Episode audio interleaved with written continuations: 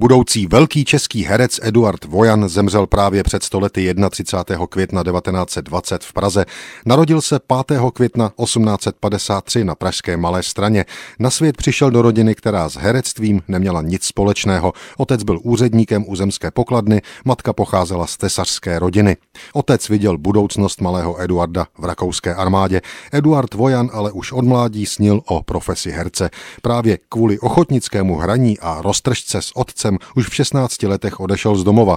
Za první profesionální honorář 12 zlatých měsíčně ho najala jako hrdinského milovníka divadelní společnost Jilí Kremera z Unhoště u Prahy. V 80. letech 19. století Eduard Vojan hrál v několika divadelních společnostech, například v Plzni, na Pražském Smíchově nebo v Brně. Jeho herecký věhlas rostl. Uměl přesně stvárňovat charaktery svých postav, především psychologii. V roce 1888 se Eduardu Vojanovi Vojanovi splnil sen, dostal angažmá v Národním divadle. Publikum ho ale zprvu nepřijímalo příznivě, jeho realistický styl ještě nebyl úplně běžný. Zlom nastal v roce 1894, kdy si spoluautor hry Mariša Vilém Mrštík vymínil, že postavu Franska musí hrát Eduard Vojan a právě jeho mistrovské pojetí této role stálo na počátku slávy. Během své kariéry v Národním divadle pak Eduard Vojan stvárnil 309 postav, většinou hlavních rolí ve 278 divadelních divadelních hrách.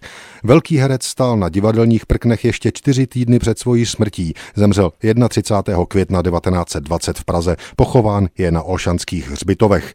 Lidové noviny v nekrologu napsali mimo jiné toto. Vavříny zasypán bude hrob vojanův, k jehož chvále rozlétnou se slova nejobsažnější, ale smutek nad jeho skonem bude pro naši generaci nevyhladitelný. Jak je tragické, že herci i nejskvělejší, pravou čest a nejživější povděk mohou vzdáti toliko současníci. Kdo z nich cítí, jaká ztráta nás stihla, zalká tak hostce, že to vylíčiti nelze. Odešel velekněz, bohužel stolika klíči našich chrámů umění.